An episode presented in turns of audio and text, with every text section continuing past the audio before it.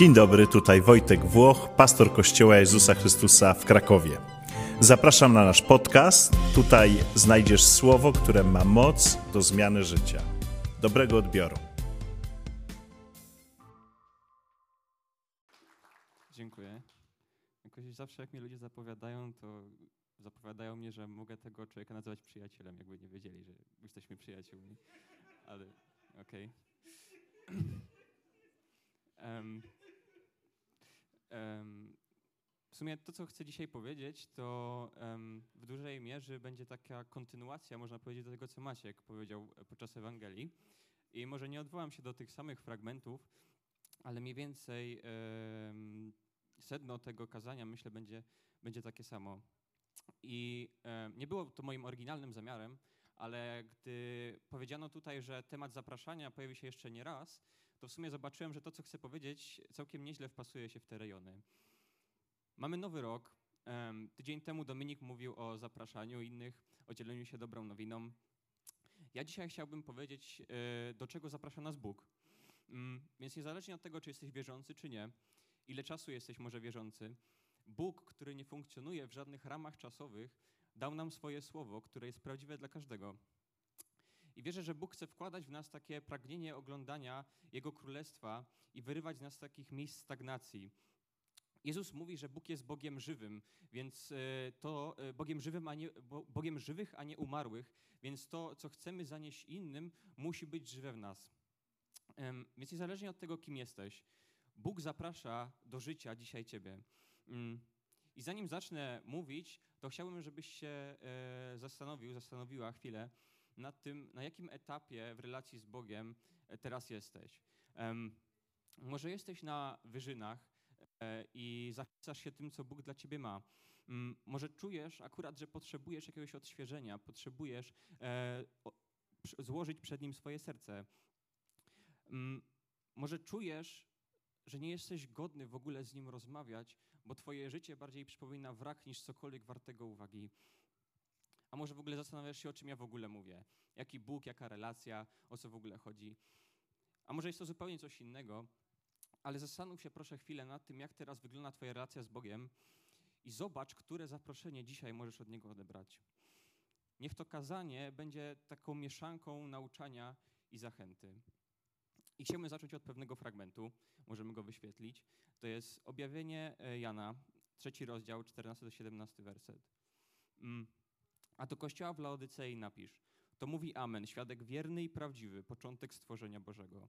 Znam Twoje uczynki, nie jesteś ani zimny, ani gorący. Obyś był zimny albo gorący, a tak ponieważ jesteś letni i ani zimny, ani gorący, wypluję Cię z moich ust. Mówisz bowiem, jestem bogaty i wzbogaciłem się i niczego nie potrzebuję, ale nie wiesz, że jesteś nędzny i pożałowania godny, biedny, ślepy i nagi. No może nie brzmi to jak zaproszenie póki co, ale, e, ale zaraz wyjaśnię, o co chodzi. Mm, myślę, że niejako jedyny, gdy pierwszy raz e, czytałem czy słyszałem ten fragment, lub nawet może któryś raz z kolei, to czułem się wybity z tej naszej słynnej strefy komfortu. Mm, czułem taką presję ze strony Boga. Wydawało mi się, że to określenie bycia letnim e, odnosi się do mojego życia przynajmniej na kilku poziomach. Mm, jednym z tych poziomów było to, że żyłem w takim jawnym rozdwojeniu między Bożą wolą a moją własną. Moja relacja z Bogiem wyglądała mniej więcej tak, że coś z Biblii czytałem, e, czasem nawet coś e, rozważałem, ale generalnie o Bogu przypominałem sobie w momentach, gdy robiłem coś, co wiedziałem, że nie jest zgodne z Jego porządkiem, z Jego słowem. Mm, I byłem po prostu konfrontowany przez fragmenty takie jak ten. Mm, Jezus tutaj mówi: Znam Twoje uczynki, wiem jaki jesteś, wiem kim jesteś, wiem, że nie jesteś ani taki, ani taki, wiem, że jesteś letni, dlatego e, wypluję Cię z moich ust, bo czuję do tej letności wstręt. I w całej tej swojej presji byłem zamknięty w tych granicach myślenia: jesteś letni, jesteś letni. Nie byłem w stanie wyjść poza granice tego myślenia. I nawet czytając Biblię po kolei, gdy dochodziłem do tego fragmentu, um, jedyne co widziałem to właśnie to jesteś letni. Resztę po prostu ignorowałem, ona odchodziła jakby w niepamięć. Tak więc czytanie tego tekstu um, jest w sumie dla mnie takim trochę mini świadectwem, że Bóg prawdziwie wkłada życie w człowieka, jeżeli tylko ten pozwoli, e, jeżeli tylko ten podda się pod obróbkę rąk e, Boga. Więc zanim przeczytamy cały fragment, cały ten list, e, idąc za radą pewnego mądrego człowieka, chciałbym przywołać kontekst kulturowy, żebyśmy naprawdę zobaczyli, o czym, o czym Jezus tutaj mówi. Mm, więc to starożytne miasto Laodycea E, było bardzo dobrze prosperującym miejscem w tamtych czasach. Słynęło ze swoich bogactw, ze swoich e, maści do oczu, ze swoich e, wyrabianych tam tkanin i generalnie wysokiego poziomu medycyny. Jednak pomimo tego wszystkiego, pomimo tych wszystkich dobrodziejstw, problemem tamtych mieszkańców była woda. Mianowicie wodę doprowadzano z dalekich górskich, zimnych źródeł lub równie odległych, gorących źródeł dlatego że po prostu miasto nie miało swoich zasobów wody. I gdy ta woda, zarówno, gdy ta woda, zarówno gorąca, jak i zimna, dopływała do tego miejsca, tymi, tymi rurociągami, akweduktami, e, w procesie stawała się już letnia. I nabierała też nieprzyjemnego osadu wapiennego. I po prostu ludzie, którzy korzystali z tej wody, która była niewygodna ani do picia, ani do kąpieli, po prostu czuli do niej odrazę. I chociaż pierwszy fragment tego listu może wydawać się, że ma charakter potępiający, to cały w sobie jest genialnym dowodem, że Bóg nikogo nie potępia. Po tym, jak Jezus tutaj mówi, a tak ponieważ jesteś letni i ani zimny, ani gorący wyplujecie z moich ust, mówisz, bowiem jestem bogaty i zbogaciłem się i niczego nie potrzebuję, a nie wiesz, że jesteś nędzny i pożałowania godny, biedny, ślepy i nagi. Po tym mówi coś takiego. Radzę ci kupić u mnie złota w ogniu wypróbowanego, abyś się wzbogacił i białe szaty, abyś się ubrał i żeby nie ujawniła się hańba Twojej nagości. Swoje oczy namaść maścią, abyś widział. Ja wszystkich, których miłuję, strofuję i karcę. Bądź więc gorliwy i pokutuj, lub też w innym tłumaczeniu jest obudź swój zapał, staraj się usilnie i upamiętaj się. Oto stoję u drzwi i pukam. Jeśli ktoś usłyszy mój głos, otworzy drzwi, wejdę do niego i spożyję z nim wieczerze, a on ze mną. Temu, kto zwycięży, Dam zasiąść ze mną na moim tronie, jak i ja zwyciężyłem i zasiadłem z Ojcem na Jego tronie. Kto ma uszy, niech słucha, co Duch mówi do kościołów. Więc Jezus tutaj mówi, że nawet jak ktoś jest letni, nawet jak ktoś jest nagi, godny pożałowania i nędzny, to żeby przyszedł po Niego, do Niego po nowe szaty. I te słowa, znam Ciebie, wiem jaki jesteś, wiem jaki jesteś, nagle nabierają innego znaczenia. On nie mówi tutaj, wiem jaki jesteś, dlatego potępiam Twoją postawę. Wiem, jaki jesteś, dlatego gdy będziesz letni, wypluję cię z moich ust. On mówi, znam cię, wiem, jaki jesteś, dlatego przyjdź do mnie po nowe szaty. Przyjdź do mnie po życie. Mówi, wiem, jaki jesteś, dlatego zapraszam cię, weź to, co dobre, to, co cię prawdziwie wzbogaci. Ludziom, którzy nie mają nic, on oferuje te obietnice nowych szat, maści i tej relacji z nim, tej wieczerzy. I gdy odbierasz to zaproszenie od Niego, gdy zaczynasz wkładać, e, gdy, zaczyna, gdy Bóg zaczyna wkładać w ciebie to życie, gdy odbierasz je, to nagle w głowie nie ma już tego jesteś letni, jesteś letni, tylko jest Ojcze, proszę przemieniaj mnie tak, abym był dla Ciebie jak ta zimna albo gorąca woda. I w tym tekście możemy zobaczyć dwie strony. Boga i człowieka.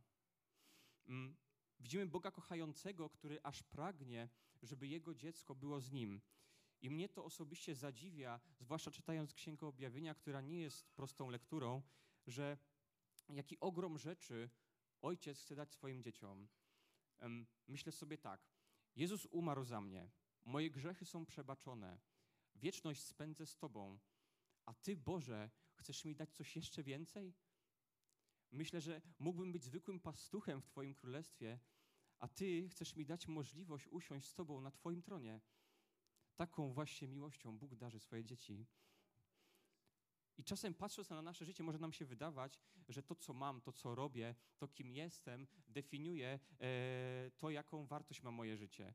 Moja rodzina, e, moje relacje z innymi, moja praca, moja służba w kościele, to daje mi wartość. No, prawda jest taka, że to Jezus dał nam wartość. Jego szaty, które nam oferuje, Jego miłość, którą nas darzy, to jest to, co nadaje człowiekowi prawdziwą wartość. I nic poza Chrystusem nie ma znaczenia.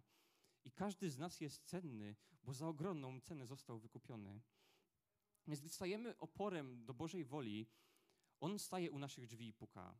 I to nie jest tak, że my musimy biec do Jego drzwi i kołatać, tylko On stoi u naszych, zapewnia, że czeka na nas. I gdy otworzymy mu te drzwi, on nie przychodzi nam prawić kazanie, nie wywraca stołów i po prostu mówi nam, jaki jesteś, jaki nie jesteś. On przychodzi mieć z nami wieczerze. Mm. Widzimy w tym fragmencie też Boga, który jest dobrym ojcem. Chociaż sam ojcem jeszcze nie jestem, a dużą część swojego życia wychowywałem się bez ojca, to mimo tego jestem w stanie stwierdzić, że tata, który nie dawałby swoim dzieciom żadnych granic i nie kierował ich w dobrą stronę, wkrótce przekonałby się, że naraża je na wiele niebezpieczeństw, zarówno tych z zewnątrz, jak i te, na które oni mogą sami siebie narazić. Więc Jezus, który jest tutaj suwerenem swojego kościoła, napomina ich nie po to, żeby ich ukarać, żeby ich potępić, ale żeby pokierować ich w dobrą stronę. Pokierować ich na dobrą drogę, dzięki której nauczą się patrzeć na rzeczywistość oczami nieba. To, co więc widzimy w tym fragmencie, to, że Bóg interesuje się życiem człowieka, że opiekuje się swoimi dziećmi i troszczy się o nie. Jego duch przeświadcza nas o tym, co dobre i porusza nas, kiedy robimy coś niezgodnego z Jego wolą. Robi to, abyśmy poddali się pod obróbkę rąk garncarza. Jednocześnie widzimy, że Bóg nie chce z nas zrobić ascetów, tylko ludzi gorliwych, zanurzonych w Jego słowo, którzy pełnią Jego wolę. Jezus mówi tutaj do tych ludzi z kościoła: wstań ze swoich kolan, wstań z kolan swojej nędzy i wybierz szaty, wybierz nowe szaty godne króla. I gdy czujesz się w życiu nieczysty, bo w Twoim życiu jest grzech, przyjdź do Niego po nowe szaty. Poddaj, oddaj Bogu to, z czym się zmagasz, szczerze wyznaj Mu swoje serce, a otrzymasz nowe szaty. W pierwszym liście Jana jest taki fragment. Jeśli zaprzeczamy, że popełniliśmy grzech, sami siebie oszukujemy. Jesteśmy dalecy od prawdy. Jeśli przyznajemy się do naszych grzechów, On jest wierny i sprawiedliwy, przebaczy nam nasze grzechy i oczyści nas ze wszelkiej nieprawości. Gdy czujesz się bezwartościowy, bez celu, em, niepotrzebny, to przestań być letni. Bądź jak gorąca woda do kąpieli lub jak ta zimna, która orzeźwie, a gwarantuje ci, że Ojciec znajdzie dla ciebie cel. Mm, nie myśl w taki sposób, że najpierw Bóg musi mi coś znaleźć, dopiero wtedy będę mu służył. Bądź gotowym naczyniem, którego On może używać. I chociaż jest to trudne do zrozumienia, to w Bożych działaniach nie ma żadnego przypadku. Czasem może nam się tak właśnie wydawać, ale On jest strategiem, który wybrał dla każdego z nas dobrą drogę. My po prostu musimy Jemu zaufać. I to jest uniwersalna prawda, niezależna od tego, ile może nam się wydawać, że w życiu przeszliśmy. I w tym momencie właśnie pojawia się ten drugi element, którym jest człowiek. Ten tekst również przedstawia ludzi, którzy są na pewnym etapie relacji z Bogiem. On troszcząc się o nich, Bóg troszcząc się o nich, jawnie przedstawia im e, swoje stanowisko. Mówi: bądź zimny albo gorący, bo gdy będziesz letni, będziesz mi jak ta zimna woda, którą pijesz i do której czujesz wstręt. I pomimo tego, to człowiek decyduje, kim będzie w życiu. Pomimo tego, że Jezus stoi u drzwi i puka, to klamka jest po stronie człowieka. Ja, gdy poznałem Gabi, moją piękną narzeczoną, e, to sam byłem na takich początkach relacji z Bogiem. Mm, moja relacja była taka powierzchowna, ale z czasem, gdy się zacząłem zagłębiać, e, zaczęło mnie e, martwić, zacząłem się stresować, tak jak będzie wyglądała nasza przyszłość, bo Gabi po prostu nie znała Boga. I nagle coś mnie uderzyło, że w pewnym momencie coś się może zdarzyć, coś się może niespodziewanego stać i ona już nigdy nie spotka się z Bogiem. Więc zacząłem jej opowiadać e, o Bogu, zacząłem ją zapraszać na nasze reloadowe młodzieżowe spotkania, mm, ale generalnie szło to strasznie opornie. Albo to nie ma czasu, albo to jakiś wyjazd, albo coś tam, albo coś tam. I gdy w końcu udało mi się ją wyciągnąć na nasze e, pierwsze, e, na nasz wspólny pierwszy reload, to było strasznie sztywno i generalnie mega dziwnie. E, gdy tylko weszliśmy do sali, podszedł do nas jeden z moich szanownych kolegów, podał jej rękę i powiedział: Hej, witamy w sekcie.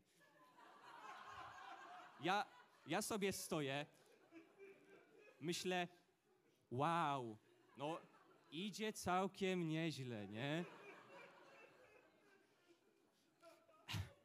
Więc generalnie strasznie frustrowało mnie to, że nie potrafimy się porozumieć na takich codziennych, e, prostych sprawach. I skończył, i starałem się tym bardziej ją wyciągać, gdzie tylko miałem okazję, ale skończyło się tak, że dostałem zakaz na gadanie o jakimkolwiek reloadzie czy o Bogu. ja znalazłem się w swego rodzaju patowej sytuacji, bo bardzo chciałem, żeby ona widziała Boga, którego ja widzę, ale z drugiej strony widziałem, że ja nie mogę jej, do, ja nie mogę jej ją do tego zmusić. Ona musi zobaczyć to e, sama. Ostatnią rzeczą, którą bym chciał, żeby słuchała tego wszystkiego z przymusu. Mm, I po czasie pojechałem na konferencję chrześcijańską razem z naszym zespołem Reloadu. Mm, I pod koniec tej konferencji e, mieliśmy przestrzeń do modlitwy, modliliśmy się o następny rok naszej służby.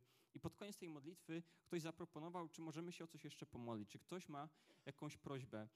I ja już takim ostatkiem sił do tej sytuacji mówię do Boga: Boże, nie wiem, jak Ty to zrobisz, ale pragnę Tobie zaufać. I chcę, żeby to była Twoja wola, a nie moja, bo wierzę, że wszystko, co robisz, działa ku dobremu. Mm, więc powiedziałem wtedy, że możemy się o nią pomodlić, powiedziałem, jak wygląda sytuacja. I szczerze nie mam tego pojęcia, jak to się stało i kiedy, ale nie minęły chyba dwa miesiące, a już razem chodziliśmy na wszystkie reloady, na wszystkie nabożeństwa. Po czasie ona się ochrzciła, a za rok pojechaliśmy na tą samą konferencję już razem. I to, co chcę powiedzieć, to to, że y, moje działania, chociaż mogły wynikać z dobrych intencji, dalej były tylko moim wymysłem. I gdy nasza wizja czegokolwiek zderza się z rzeczywistością, często możemy się rozczarować. A to Bóg chce, żebyśmy Jemu zaufali z całego serca. Nie polegali na własnym rozumie, a wtedy On będzie prostować nasze ścieżki. Wtedy zobaczymy, że dla Boga nie ma rzeczy niemożliwych. A niestety, gdy brak nam zaufania, często zaczynamy sobie tłumaczyć aspekty życia z Bogiem. Myśli w stylu: Bóg nie reaguje, bo za mało z nim spędzasz czasu. Bóg odpowiada na modlitwy, tylko nie na moje i nie w tym czasie. Bóg jest żywy, tylko po prostu w życiu innych ludzi. I tłumaczenie, i tłumaczenie, i tłumaczenie.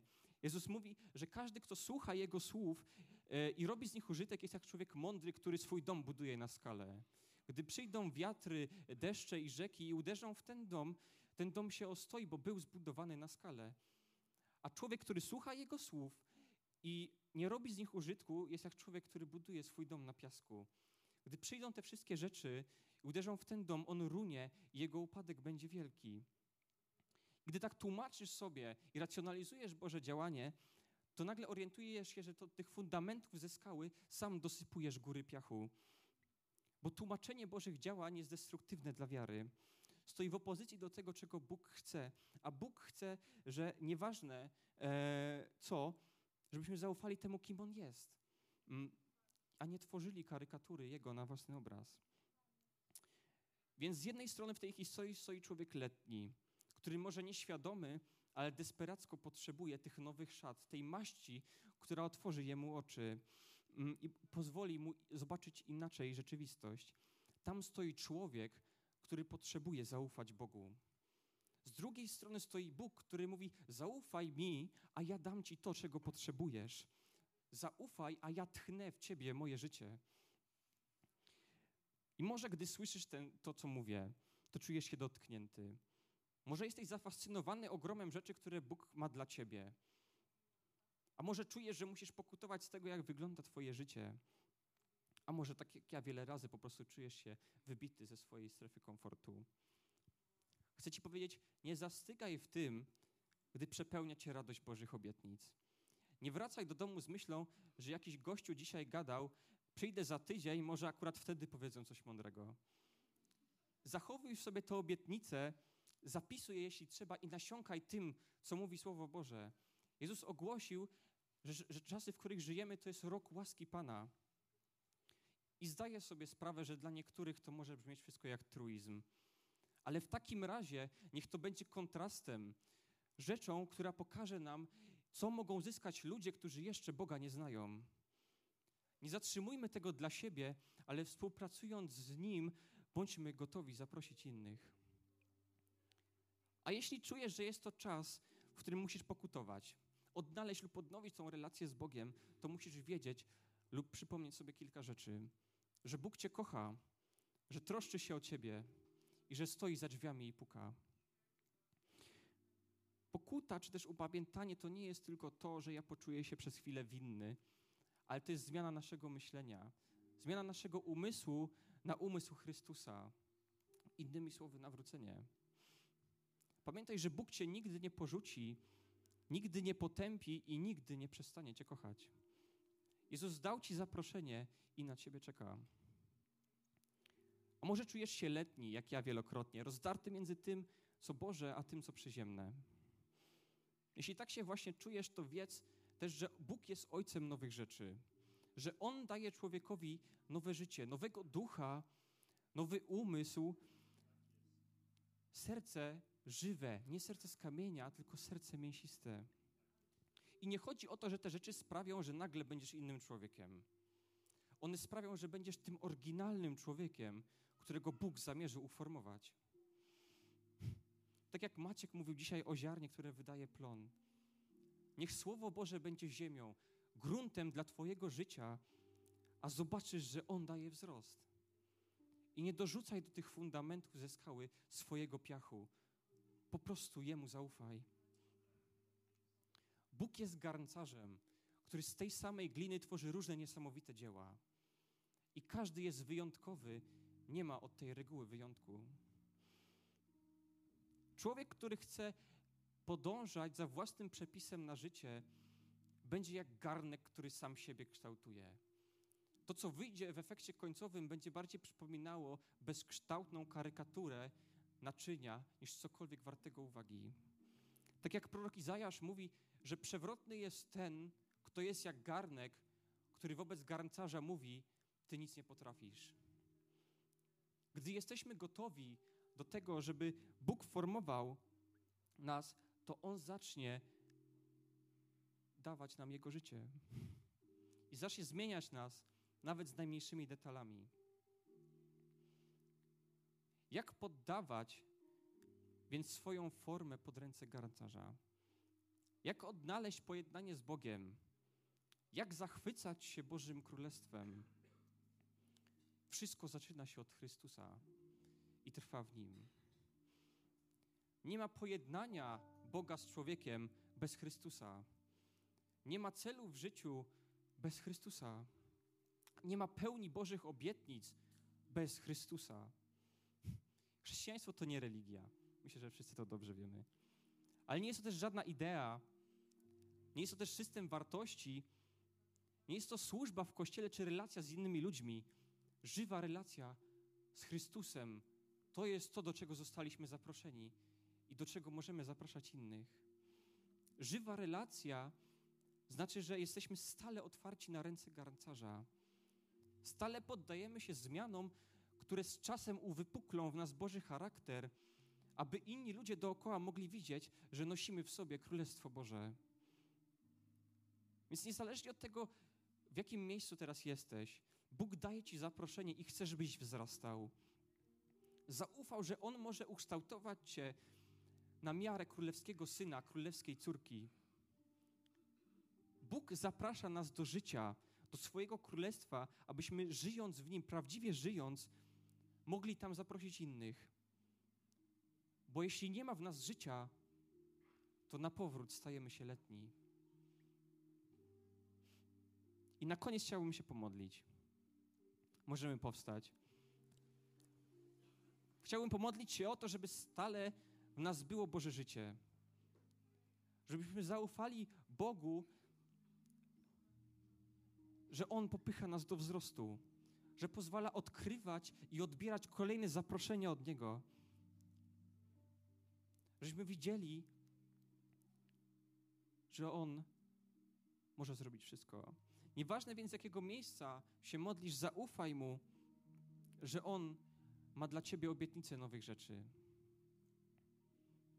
Dobry tato, dziękuję Ci za ten czas. Dziękuję Ci za to, że mm, możemy się tutaj gromadzić wolni i możemy po prostu rozważać Twoje słowo. Dziękuję Ci, tato, że dałeś nam kolejny dzień, w którym możemy odkrywać Ciebie.